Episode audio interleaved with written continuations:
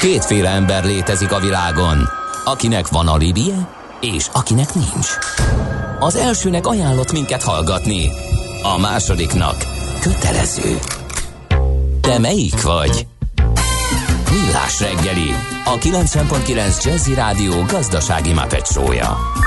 Ez nem animi, ez tény. Jó reggelt kívánunk, kedves hallgatóink! Köszöntünk mindenkit, folytatódik a Millás reggel itt a 90.9 Jazzy Rádió Nács Gáborral. És Mihálovics Andrással. 0 30 20 10 9 0 9 SMS, WhatsApp és Viber számunk is ez. Várunk ide mindenféle információt, például közlekedést is. Budapest legfrissebb közlekedési hírei, itt a 90.9 jazz a Gogol Váci utca sarkon nincs lámpa, nagyon kell vigyázni, de a Gyömrői Gergely utca sarkon sincs. A száguldozás bezzeg megy, írja Szőke kapitány, úgyhogy nagyon óvatosan közlekedjen mindenki illetőleg még két információ van. Az egyik az a e, útszűkület van a 16. kerületben a Jókai Mór utcában, a Nagyvázson utcától a Szilágyi Miály utcáig, mert gázvezetéket építenek, illetőleg a belvárosban, a Miatyánk utcában lezárták a félútpályát az M3-as metró felújításához kapcsolódó munka miatt. A bevezetőkön egész jól lehet haladni, tehát ott augusztus van M7-esen és e, M3-as irányából is. E, a nullás teljesen halad, de az minden reggel így van, ma a szokásosnál is e, hosszabb a sor, e, tehát a, az M51-es, e, illetve az m 0 belágozásától, tehát az M1-es, M7-es irányába, lényegében a Nagy Dura hídig tart a nagyon lassú haladás, illetve a Blaha környéke súlyos még, leginkább a kelet irányából ott végig állnak az autók. Az adó a jövedelem újrafelosztásának egyik formája, a költségvetés bevételeinek fő forrása, a jövedelem szabályozás eszköze. Az adóztatás fő célja anyagi eszközök biztosítása közcélok megvalósításához.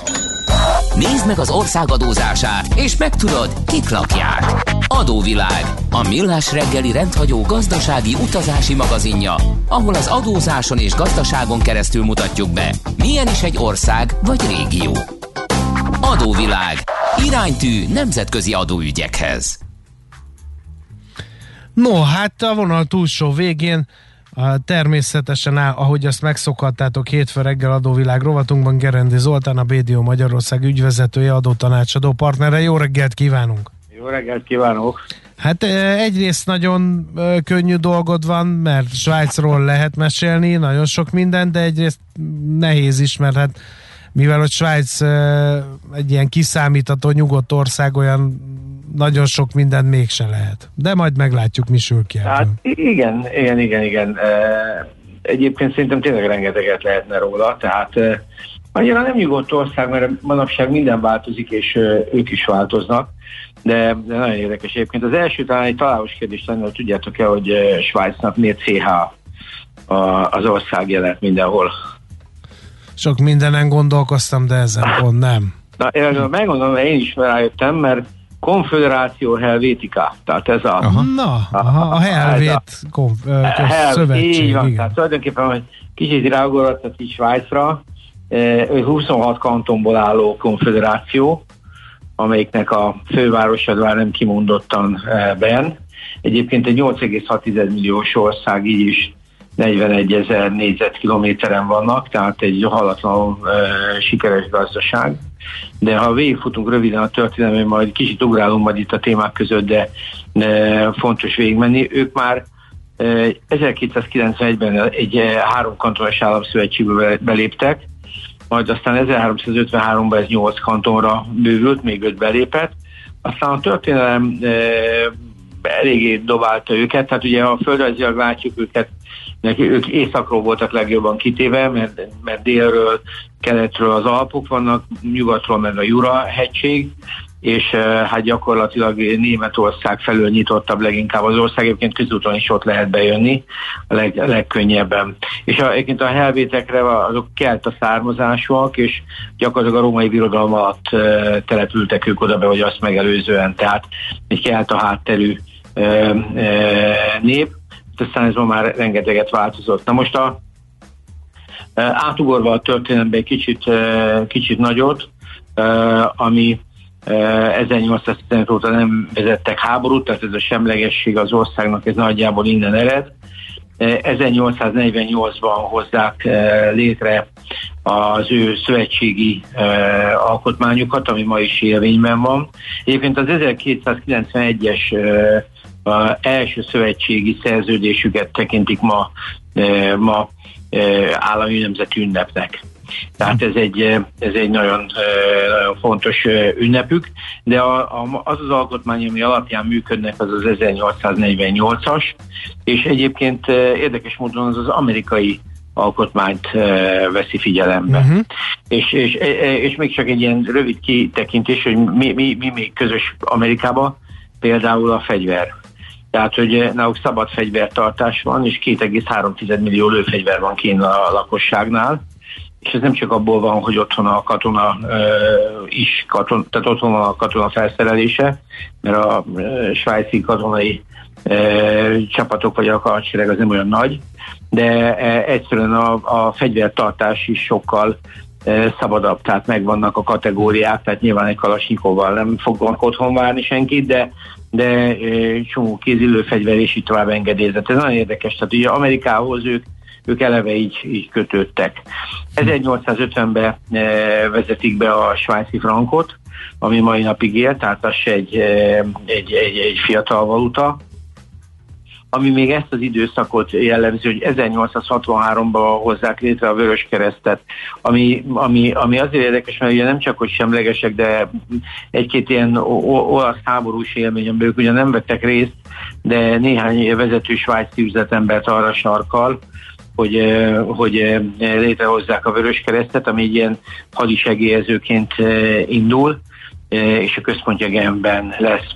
A második világháborúból Svájc akkor ennek rendje és módja szerint kimarad, de azért ez annyira nem triviális. A németeknek többszöri tervük van, hogy egy ilyen újabb anslusszal őket is elfoglalják, és meghebelezzék. Ez nem jön létre, nyilván a valószínűleg ők is érintettek voltak a, a Svájc függetlenségében a pénzmozgások miatt, illetve a szövetségesek is, hát sok vita volt, hogy, hogy bebebombáztak Svájcba, ami, ami nem esett a svájciaknak túl jó, ez egészen Zürichig jutott, szóval azért az nem határterületük. Azt mondták, hogy a térképek meg a látási viszonyok nem voltak annyira jók, hogy a bombázás egy kicsit mellé sikerült. De ez egy ilyen figyelmeztetés is volt által Svájcnak, hogy ne, ne nagyon kollaboráljon a németekkel de a lényeg az, hogy ők a marsos segélyből, meg jó átételből is e, kárpotolták magukat. Tehát ilyen szempontból ők, ők ezekből, tehát nem voltak általánosan bombázva, ezek úgymond ilyen véletlenszerű dolgok voltak, de kaptak ők is egy, egy picit. Hát de azért de... a nagy rész kimaradtak a, a második világháborúból, és, és ezen azért ők sokat nyertek. Az nagyon, biztos. Nagyon, hát hiszen nem kellett így, semmit újraépíteni, meg újraindítani. Így, így van, hát volt valami, de igazából mondom, ők, ők jelentősebb kárpótlást is kaptak. Tehát uh-huh. ez egy, tehát ők, ők, ők, ők nem voltak háborúban résztvevő felek, így ahogy mondod. Tehát a, a, most a háború utáni időszakot nézve az EU-val mindig egyfajta együttműködésben voltak, de nem volt, nem tagjai az EU-nak, és e, érdekes módon most 2021 májusában e, tervezték azt, hogy kicsit bővítik a, a, megállapodás, és a, a szabad mozgás meg, paraméter rendszerén nem tudtak megállapodni, úgyhogy egy 7 éves tárgyalási szakasz a mostani együtt, tehát a korábbi együttműködési megállapodás bővítésére ez megakadt. Tehát ők ugyanez a migráció körüli téma, tehát a munkaerő szabad mozgását ők nem támogatták ilyen szempontból. Ez egy, ez egy érdekes dolog. A, a, a, aztán meglátjuk, hogy hogyan tovább, mert azért a szándék megvan, tehát a két, két, két meg fogjuk látni, a két gazdaság nagyon erősen összefügg. Na most eh, földrajzilag is egy hatalmas izgalmas területről beszélünk. Alap, az általános magasság az a tengerszint fölött van 600 méterrel, de azt is látjuk, hogy a terület közel 60%-át hegyek borítják, a, amiből hát kb. 30% az erdőgazdaságra használható. A legmagasabb csúcsuk az a Dufur csúcs, egyébként a Dufur az egy, az egy katona, katona tábornok volt, aki egyébként topográfiával, tehát térképészettel foglalkozott, és ő mérte fel ezeket a csúcsokat, meg rengeteg ilyen e, térképészeti szabadalma vagy fejlesztése volt, őről nevezték el egy csúcsot, és az 4636 méter, de egyébként 48 hegyük van 4000 méter fölött. Tehát ez egy elég komoly, komoly, komoly, komoly szám. A, azt is látni kell, hogy a, a Európának a vízkészletnek a 6%-a itt van, több mint 1500 tavuk van, tehát édes vízkészletről beszélek. Ez egy elég, szintén egy elég komoly tehát a, a, arány. Na most a hegyekben réz, vasérc, nikkel, molibdén, cement, szóval rengeteg minden van, de bányászatban korlátozás van. Tehát a svájciaknál ez a környezetbarát életmód, tehát az iparágoknak a beengedése, főleg olyan, ami környezetet az nagyon korlátozott, és csak belföldi felhasználásra engedélyezik a bányászatot, tehát exportra nem, és emiatt jól egy sok minden van a földben, gyakorlatilag a bányaiparok nem, nem futott fel a, annyira. Na most az elektromos áramnak a 60%-át egyébként vízi erőművekből nyerik, 34% a, a atomenergia, és a többi csak a megújuló, de azért ez is egy nagyon, nagyon környezetbarát áram előállítási modell. Most a városokról annyit, hogy a legnagyobb város az Zürich 340 ezer fővel, tehát azért az se egy túl nagy világváros, így láttuk Bécset 1,8 millióval,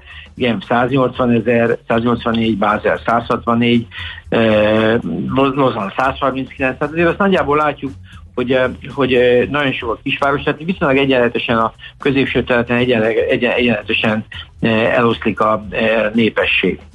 A gazdaságról azt kell tudni, hogy hát a hogy bankszektor. De érdekes módon nem egyébként, mert fogod látni. A bankszektor az egy markáns. Élelmiszeripari és gyógyszeripari nagyhatalom. Abszolút, mindjárt mondom. Így van, tehát az, először is azt kell látni, hogy a legnagyobb partnere a, a svájci gazdaságnak az EU 50%-ban. Tehát amiről beszéltem, az EU megállapodás az nekik nagyon-nagyon fontos. Viszont, viszont ezen belül ők nagyon-nagyon jól mozogtak, meg világviszonylatban is. Tehát egyébként őróluk mondják, hogy ők a leg, legkevésbé korrupt gazdaság a világon, tehát ők abban elsők, de a világ 20. legnagyobb gazdasága nominális GDP-be. Szóval azért ez, ez, ez, ez a kis országtól ez szerintem egy elképesztő jó eredmény. Ausztria 28 Németország abszolút értékben a negyedik. Tehát azért így most a DACH országokat nézzük, tehát ezt a három országot, ebben azért ez egy elég szép pozíció és a világ ötödik legversenyképesebb országának gazdaságának tartják, ebbe benne vannak az intézmények, az infrastruktúra, oktatás, munkaerőpiac és így tovább, ami szintén meglepő. Tehát ez nem egy olcsó ország, az egyfőre jutó GDP-je is alatlan most 80 ezer dollár per év fölött van, uh-huh. amivel egyébként a, a, a hatodik úgy nagyjából a világon, tehát az első Monaco a 190 ezerrel, csak hogy lássuk, a, ami sokkal kisebb, Liechtenstein a második 180 ezer, az ugye szomszéd, és szintén alacsony létszámú terület. Harmadik Luxemburg az EU-s a 115 ezer, aztán van két amerikai Bermuda és a Cayman Island, azok 117 vagy 90 ezer euró és, és, és Svájc a hatodik 86 ezerrel, és hetedikek egyébként az írek, tehát az EU-ban ez egy eléggé komoly. Versenyképességben is egyébként az ötödik helyük nagyon-nagyon komoly, mert előttük csak Szingapur, USA, Hongkong és Hollandia van. Tehát egy nagyon-nagyon-nagyon jó pozícionált gazdaság. Mi egyébként versenyképességben a 47-ek vagyunk, tehát azért van még mit ledolgozni, de hát egészen mások az adottságok.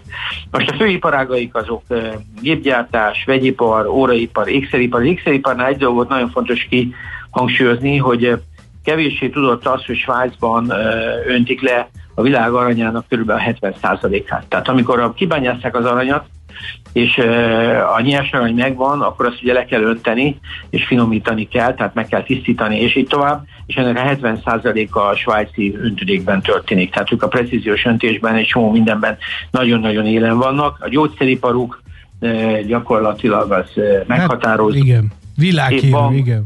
Így van, bank, biztosítás, élelmiszeripar, ahogy mondtad. Most egy néhány ilyen néhány ilyen komolyabb cég, csak hogy lássuk, hogy miről beszélünk, a Glencore kereskedelemben, itt van Nestlé, Novartis, a Laros, akkor AVB, Adeco, akkor a UBS, ugye a, a gyakorlatilag a Credit Suisse, ezek mind ott vannak, de hát a... Lint Csoki. Igen, szóval... E, Szvacsóra. Szvacsóra, így van. Így és van. a Rolex, hogy el ne felejtsük. Így van, egyébként... egyébként és a svájci gárda. A Vatikán. Igen, az már egy kis másról van, így van.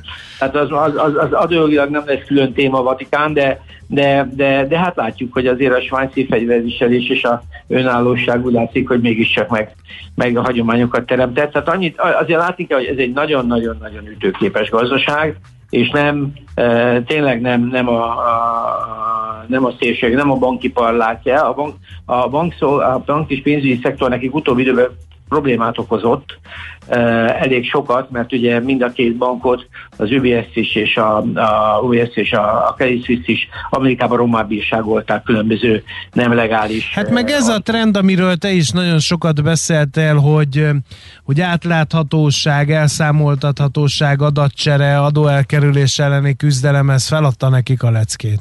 Mert ugye hát, ők arról voltak híresek, hogy mindenki oda menekítette a vagyonát, aki féltette ilyen olyan így, így van, így van.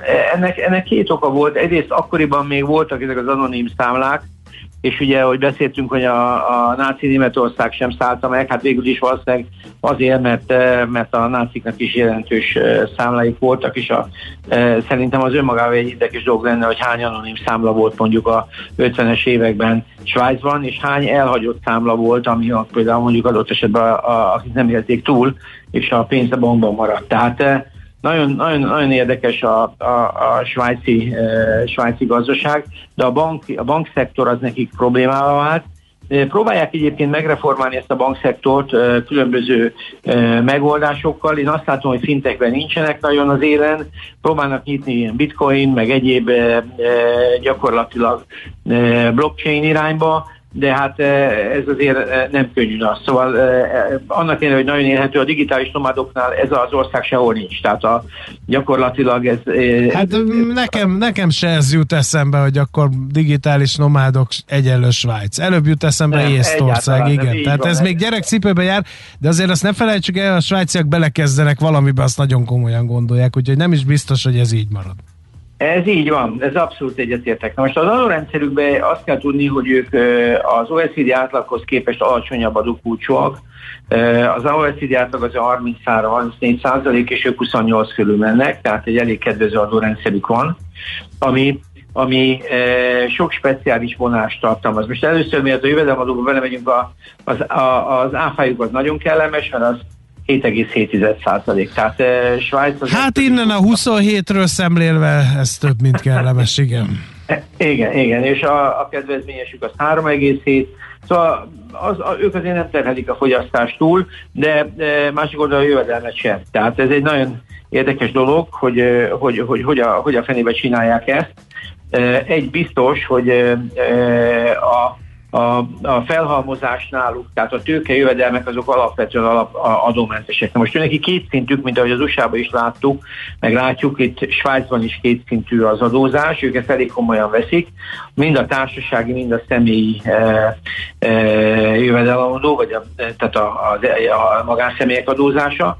A federális szinten van társasági adó, ez effektív 7,8 százalék, ami, ami nem túl sok. Gyakorlatilag a kantonális, hát ahhoz, ahhoz egy nap kevés lenne végigmenni ezen a 27 kantonon, hogy mit csinálnak, de egy biztos, hogy eltérő. Tehát gyakorlatilag a Svájcot adótervezési oldalról nézzük, akkor egyáltalán mindegy, hogy ki hol és mit csinál, mert, eh, mert egészen eltérő szabályok vannak, de alapvetően azt látni kell, hogy a, a, a, a, van, ahol a kantonok azt mondják, hogy én kantonári szinten nem is adóztatom, ami nem nálam történik, és így például nagyon komoly kereskedelmi központok jöttek létre Cukban, tehát ha az ember végigmegy Cukba a főutcán, olyan cégeket lát, azt hiszi, hogy Európa főutcájában, tehát tényleg elképesztő nagy kereskedő cégek vannak ott, de van, ahol alapvetően ott is adóztatják, itt, itt nagyon, nagyon, nagyon erős a, a, a szórás, de úgy általában azt lehet mondani, hogy a, a, a átlagban most ez, ami megint egy ilyen zavaró 11, 11, 11 és 20 százalék közötti a, az összadó terhe egy ilyen cégnek. Na most itt, itt fontos megemlíteni, ugye amiről beszéltünk, az OECD Minimum Corporate Tax, vagy ezt az egész BEPS kapcsáni mostani koncepcióját, ami, ami, amiben Svájc részt vesz aktívan, tehát ők már a, ott, a, ott 2023-tól be is kellene vezetni az OECD szabályok, vagy a megállapodás szerint ezeket a változásokat, aminek két két nagy ága van, amiről beszéltünk már röviden. Az egyik a, a, a minimum társasági adó, ez a 15 amit ismerünk, a másik meg az elosztási szabályok, hogy eh, bizonyos uh, nagyságrendű cégek, tehát olyan koncernek, amelyeknek a bevétele 20 milliárd dollár fölött van, és minimum 10%-os nyerességhányadra dolgoznak, akkor a 10% feletti uh, nyerességet el lehet osztani, ottól a működés folyik. Egyébként ezek adójogilag irgalmatlan bonyolultak lesznek, de ami érdekes Svájcra, hogy annak hogy nagy cégeik vannak, ez az egész OECD törekvés, a keményebb rész összesen négy cégüket érinti, tehát a Novartis, a Nestlé, a Rost meg az ABB-t, míg a, a, ez a minimumadó, amíg 750 millió euró fölötti cégeket érinti, az maximum 200 cégüket. Tehát azt lehet mondani, hogy, hogy Svájcnak egyáltalán nincs veszélybe ez a fajta adókedvezményrendszere.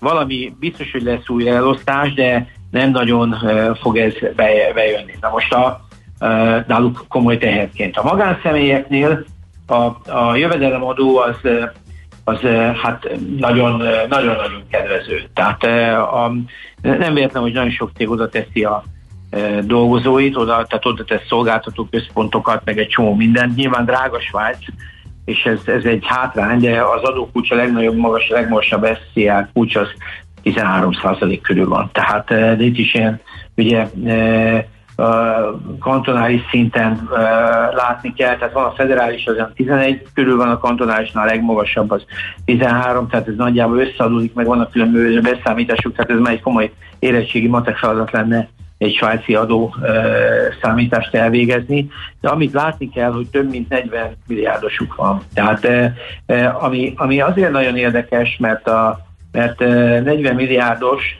az, e, az nem kevés, és hát ők azért világviszonylatban is jegyzettek, és őket azért is tartják, tehát a tőkejövedelmek is azért is tudnak részt a felhalmozást ők mentesítik.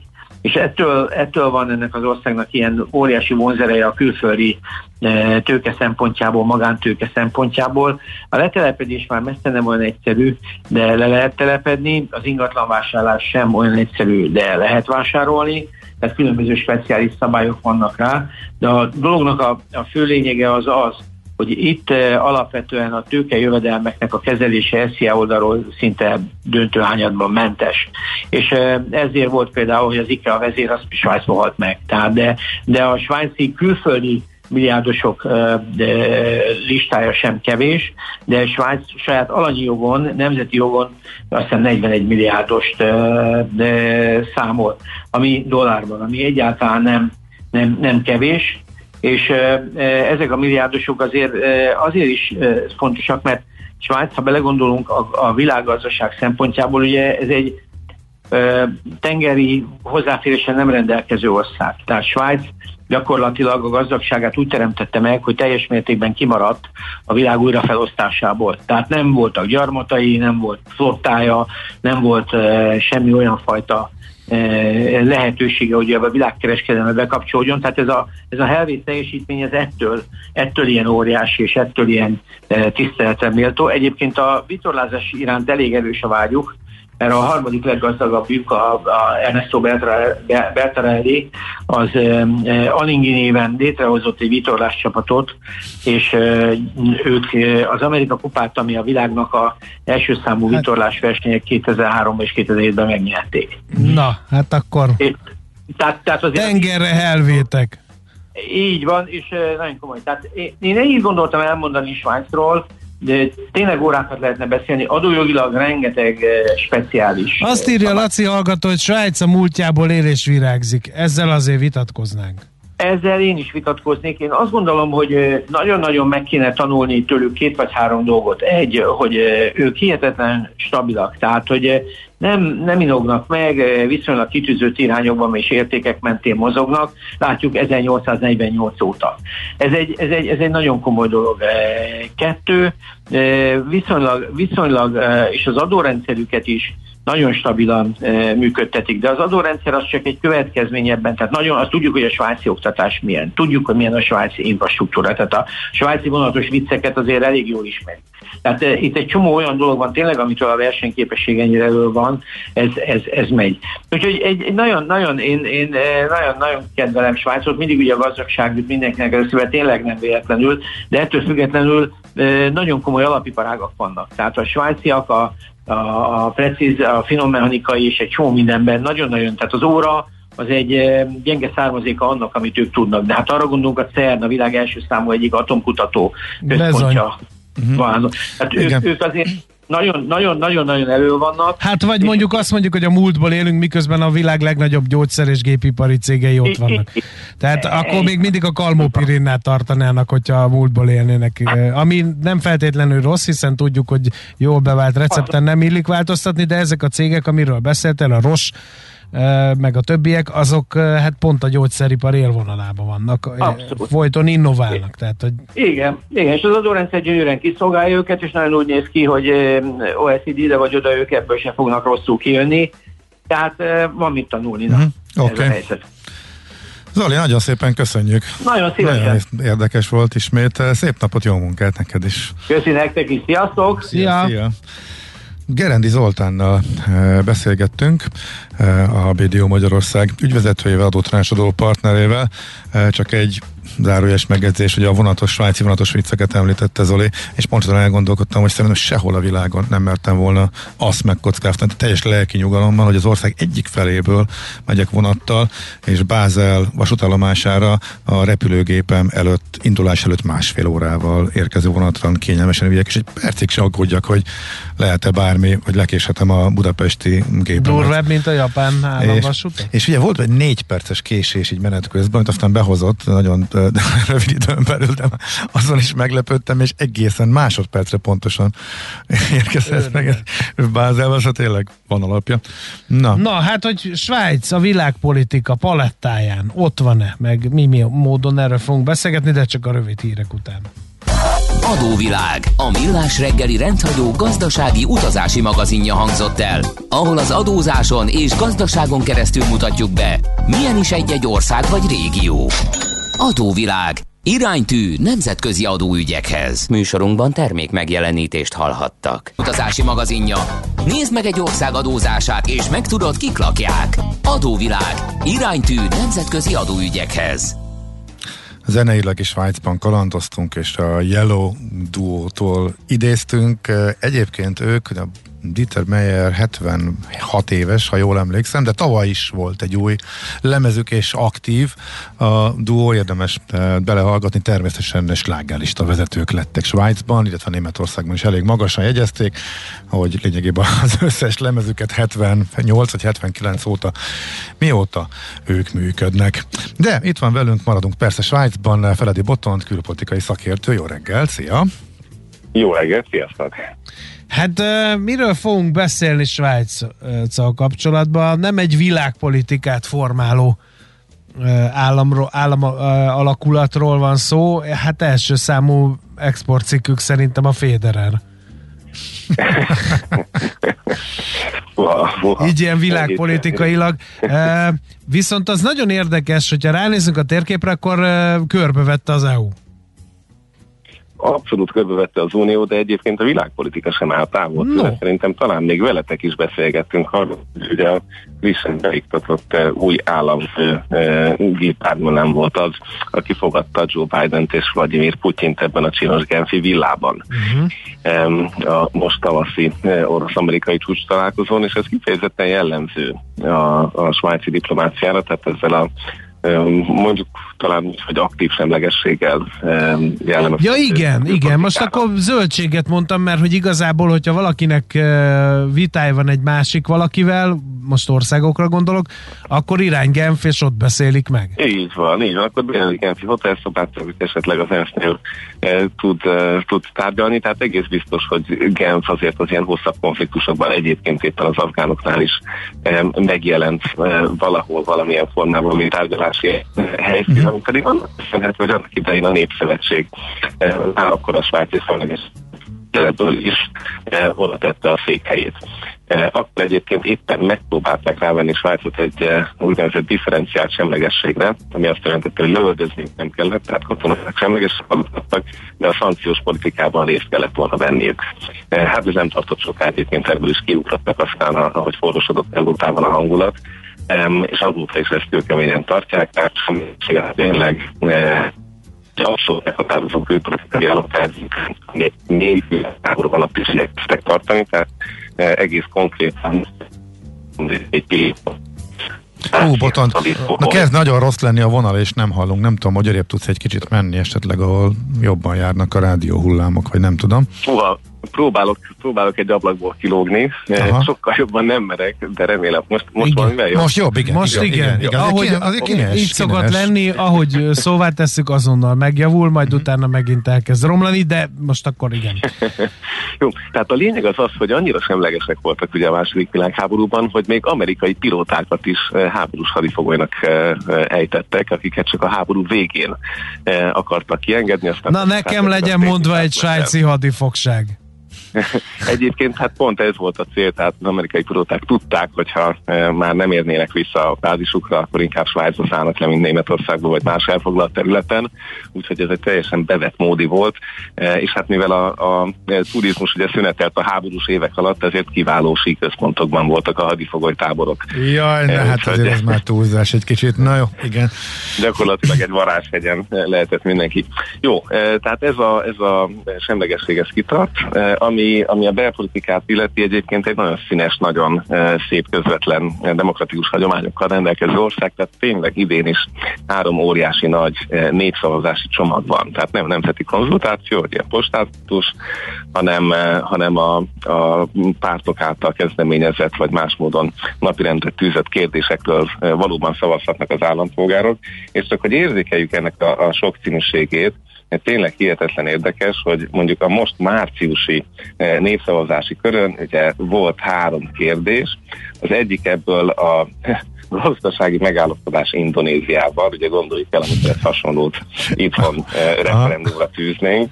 A másik az elektronikus azonosítási szolgáltatásokról szóló szövetségi törvény, és csak a harmadik volt a eh, teljes arcot eltakaró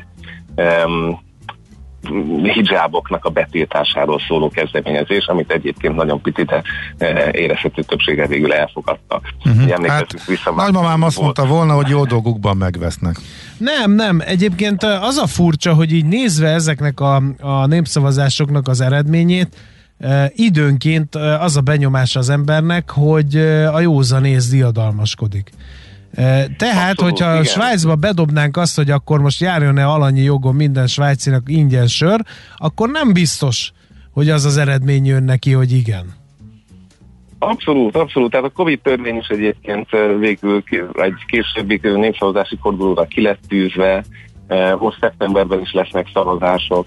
A zöld, zöld párt javaslatát azt megpróbálták pont a néppárti legnagyobb kormányzó párt, egy, egy óriási koalíció van egyébként hatalmon, a kormányzó párt népszavazással megakadályozni, de aztán végül ott megszavazták. Tehát egy gyakorlatilag a népszavazás a politika folytatása más eszközök kell, ami, ami tökéletesen működik, és mindenki kampányolgat kicsit, van, amikor a kantonokban teljesen eltérő eredmények születnek.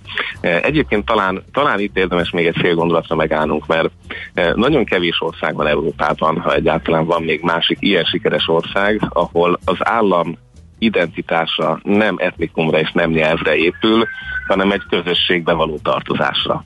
E, tehát egy icipicit kezd a, a, a posztmodernussára hasonlítani ebben, hogy, hogy mindenféle nációk, e, de végül is egy útlevél körül ott osztoznak, vagy egy lobogó alatt osztoznak. E, és ez itt is így van, tehát Svájc egy picit annyiban hasonlít Belgiumra, hogy bár három plusz egy nyelv van használatban, de ezek egyébként szeparáltan, tehát az egyik kantonban ez a nyelv, a másik kantonban az a nyelv, és alig van néhány két nyelvű egység, egyébként vannak ilyenek, Freiburg is tartozik, vagy de hát lehet ilyet találni, de nem ez a jellemző, hanem mindenki éli a maga kis életét, a maga kantonjában, is néha összejönnek a szövetségi gyűlésben, van egy szövetségi elnökük, de egyáltalán nem ez az egyetlen és meghatározó szint. Tehát szerintem egy gyönyörű modell az állami működésnek egy modern és tartós formájára, amire egyébként alig, hanem az Unióból is lehetne tekintgetni majd egyes példák kapcsán. Úgyhogy, úgyhogy ilyen szempontból a belpolitikája egy, egy, egy nagyon-nagyon színes, nagyon sok párti, a zöld pártból is több van, most ők vannak ellenzékben egyébként a 200 fős alsóházban, úgyhogy, úgyhogy kifejezetten egy, egy, egy, egy közeli, népközeli vagy szavazó közeli belpolitikát folytatnak. Oké, okay. nagyon érdekes volt, majdnem azt mondtam a, a bevezetőben, hogy annyira unalmas, hogy egy ország, hogy minden működik, minden rendben van, senki nem jön elő megvalósítatatlan hülyeségekkel, megkérdezik az embereket, az emberek pedig hát mit ad Isten, igen, akkor normálisan döntenek, tehát hogy egy csomó minden, ehhez képest milyen színesre sikerült Abszolút, ez és jó működő rendszer, igen. igen. Uh-huh. No, Köszönjük szépen. Rendszer, a miniszterelnök mégiscsak egy szőlőtermesztő, tehát hát ah, ott nagy baj nem lehet. Igen. Tehát uh, itt tudnak kapcsolódni a magyar kapcsolatokhoz egész biztosan, uh, és hát azért azt hozzá kell tenni, hogy a 8, valahány milliós lakosságnak az egynegyede nem rendelkezik állampolgársággal. Tehát a, a, a háromnegyed az, aki szavaz, és egy picivel több ennél a 25%-nál a, a bevándorló háttérre rendelkező statisztikai szám, tehát ez kb. 33-36 százalék között mozog mostanra. E, úgyhogy, e, úgyhogy ilyen szempontból is azért színes, és az egynegyed nem állampolgár, az, az megint csak egy európai mértékben egy óriási szám. De mégis menedzselik, nyilván ők is várják azt, amikor majd beadhatják a kérelmet. Hm. Okay. Jó, nagyon szépen köszönjük! Köszönöm, szervusztok! Szia! Feledi Botont külpolitikai szakértővel vázoltuk fel Svájc portréját a világpolitikában. Adóvilág, a millás reggeli rendhagyó gazdasági utazási magazinja hangzott el, ahol az adózáson és gazdaságon keresztül mutatjuk be, milyen is egy-egy ország vagy régió. Adóvilág, iránytű nemzetközi adóügyekhez. Aranyköpés a millás reggeliben. Mindenre van egy idézetünk. Ez megspórolja az eredeti gondolatokat de nem mind arany, ami fényli. Lehet kedvező körülmények közt gyémánt is. Madonna ma 63 esztendős, úgyhogy tőle választottunk aranyköpést. A következő mond, vagy a következő hagyta el egyszer a száját a jeles énekesnőnek.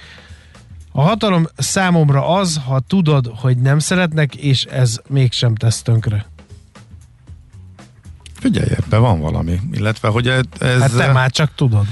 Figyelj, nekem az az időszak jutott eszembe, amikor olyan finoman fogalmazóan erős munkakörnyezetben dolgoztam, mindenki megpróbált mindenkinek alátenni és uh, följebb uh, jutni, és egészen aljas dolgokkal Ez nem Magyarországon alátenni. Uh, és ugye ezen túllendülni, ezt mondjuk félretenni, vagy, vagy éppen tenni rád, az egész, hogy nem érdekelni, és az, az nem volt könnyű megtanulni aztán eljutottam odáig, és ez segített. Nekem eljutott, nem erre Mondjuk gondolt, ezután még jobban utáltak, sejtem én ezt. De azt még jobban nem, még ér, jobban, még jobban nem érdekelt. Tehát főleg, amikor élettem a főnök. Édes Istenem. A fagyi visszanyal. Hát vég volt, mint a botnak természetesen. Na jó, nem, nem, én, ez, ez így nem igaz. Úgyhogy kinek mi erről eszébe? Szerintem egy érdekes mondás. Aranyköpés hangzott el a millás reggeliben. Ne feledd, tanulni ezüst, megjegyezni arany. Van egy mágikus hang a parketten, amire minden színes öltönyös bróker feszülten figyel.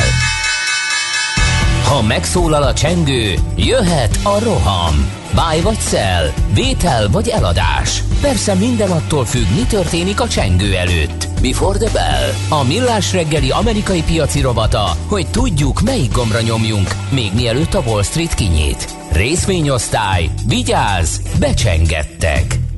A vonalban itt van velünk Bodnár Martin, az Erste befektetési ZRT, USA Desk üzletkötője. Jó reggel, szervusz! Hello, sziasztok! Üdvözlöm a kedves hallgatókat! Én az USA-ról csak annyit mondtam, hogy jött egy csomó rossz hír, a tőzsde meg sem moccantrásod fölfele ment. Mit tudsz ehhez hozzátenni? Cégsztorikat, meg mi várható? Igen, előző héten egyébként rossz hírek jöttek ki, és ehhez képest ismételten új rekordra ment a Dow és az S&P 500 is. Mindkét indexnél egyébként volt olyan, hogy négy egymás követő nap is új rekordot döntött. Viszont összességében egyébként nem emelkedtek nagyot, a Dow az 0,9%-kal került feljebb, az S&P pedig 0,7%-kal, tehát picit lagymatag volt, de azért mégis feljebb mentek, és érdekesség még itt egyébként, hogy az S&P 500 idén 48-szor döntött csúcsot. Tehát azért folyamatosan kerül feljebb és feljebb. Főbb amerikai indexek közül egyébként csak a kis kapitalizációval tömörítő cégeket magában foglaló Russell 2000 az, ami nem ment új csúcsra. Az március óta egyébként nem sikerül neki a csúcsdöntés, és most is egy ilyen oldalazásban van, de a nagyobb, többi nagyobb index az folyamatosan uh, csúcsokat dönt. Fontosabb egyébként piacbefolyásoló adatok fognak érkezni. Kedden publikálni fogják a kiskereskedelmi eladások alakulását, szerdán pedig az FOMC percek fognak következni. Itt ugye a Fed irányt adhat itt az eszközvásárlási program leépítéséről, ez talán már befolyásolni fogja a piacot. Tehát ez már talán megütheti azt az inger küszöböt, hogyha itt azért kicsit kiszorítanak egy kis pénzt a gazdaságból. Uh-huh, tehát erre lehet negatív reakció. Cégeredmények tekintetében mi újság, illetve mi várható? Igen, a nagyvállalatok egyébként nagy már itt lejelentett összességében, viszont azért maradt még néhány ilyen gigacég. Szerdán például piaczárás után fogja publikálni a második negyedéves számait a félvezető gyártó Nvidia. Itt az elemzői várakozások úgy néznek ki, hogy a bevételnél 6,32 milliárdos bevételt várnak. Ez az előző negyedévhez képest 12%-os növekedés, részvénykénti eredménynél 1,02% dolláros eredményt várnak, ez pedig 30%-os emelkedés az előző negyedévhez képest. Egyébként az előző negyedévben jelentős momentummal rendelkezett a papír, mert ugye a chipre, chipekre folyamatosan ugye erős a kereslet, és ugye itt azt érdemes kiemelni, hogy a legnagyobb grafikus csipeket gyártó cég itt az Nvidia, és 85%-a a bevételeinek a gamingből és az adatközpont szegmensekből, tehát ezekből a data centerekből származik. És itt az elmúlt pár évben az Nvidia sikeresen uh, tudta adaptálni uh, a technológiáját a mesterséges intelligencia piacára is, tehát hogy egyre erre fókuszál nagyon szépen a cég, és látszik is egyébként ez a trend, hogy ezt próbálják konkurálni ezt a ezt a piacot. Meg a másik érdekesség itt, amit ki lehet emelni, hogy a cloud computing és ugye az otthoni munkavégzés az is nagyon jót tesz az Nvidia-nak, mivel elég szerepet játszott itt a Covid is a cég felemelkedésébe. A traderek azt mondják, hogy a, ha a Covid fertőzések száma csökken, akkor is ugye ez az ütem egyértelműen, tehát ez a trend ez kitarthat. Évelején egyébként a cég piacra dobta ezt a GeForce RTX 30-asból, ugye az új sorozatot, az új csipeket. Itt ami érdekes, hogy ugye rengetegen szeretnének upgrade tehát hogy vásárolni ilyen típusú csipeket, főleg egyébként a gamerek, tehát a játékosok, viszont nem tudnak sokszor, mert ugye elfogynak ezek a videókártyák, azért, mert ugye kriptot bányásznak. Az első negyed évben egyébként 100 millió dolláros bevétele volt a, ezekből a kriptora külön eladott videókártyákból a cégnek, most 400 millió dolláros bevételt várnak a cégtől, és próbálja egyébként szeparálni, tehát hogy külön olyan gépeket próbál árulni az Nvidia, amivel Ethereumot lehet például bányászni, és próbálja elkülöníteni, hogy ne vásárolják fel a kriptobányászok ugye a egyéb például szórakozásra vásárolt videókártyákat. Igen, több-kevesebb sikerrel, de hát mondjuk az, úgy tűnt, hogy az elmúlt időszakban minden jó volt az Nvidia-nak, tehát ugye e, az összes e, Covid-hoz kapcsolható trend az nekik jó, hát is az árfolyamokban is megmutatkozott azért. Nagyon durva emelkedésen volt túl. Az elmúlt hetekben nem néztem, hogy ez kitartott-e, e, úgyhogy itt nem tudom, mi várható a gyors jelentés után. Igen, 55%-ot emelkedett egyébként idén az Nvidia, 201.88-on zárt, az árfolyam. Itt egyébként volt egy 4 az 1-hez való részvényosztódás, az osztódás alatt után egy kicsit beesett az árfolyam, aztán újra elkezdték vásárolni. Egyébként még ami kritikus pont itt az árfolyamnál, ami azért többször nyomás alatt tartja itt a részvényárfolyamot, az az ARM cégnek a 40 milliárd dolláros felvásárlásával kapcsolatos ugye problémakör, mert ugye a brit szabályozóknál itt aggodalmaik voltak, ilyen nemzetbiztonsági aggodalmaik a tranzakcióval kapcsolatosan. Ez például jó tehet az árfolyamnak, hogyha ebben bármi olyan új információ jön ki, hogy vagy megállapodnak valamiben, vagy egyébként mégsem annyira ö, érdekli majd itt a brit hatóságokat ez a mhm. felvásárlás. Aha, oké. Okay. Köszönjük szépen, akkor az Nvidia-ra külön figyelünk, meg arra is, hogy lesz olyan hír, amire mondjuk negatívan tud reagálni a tőzs, de nem mindenre, csak a pozitív választ adja. Köszönjük még egyszer, szép napot, jó munkát! Nektek is, sziasztok! Szia, szia!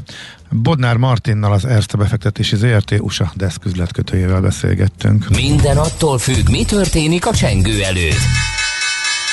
Before the Bell. A millás reggeli hangzott el. És itt van Czoller Andi. Nagyon várjuk a híreket.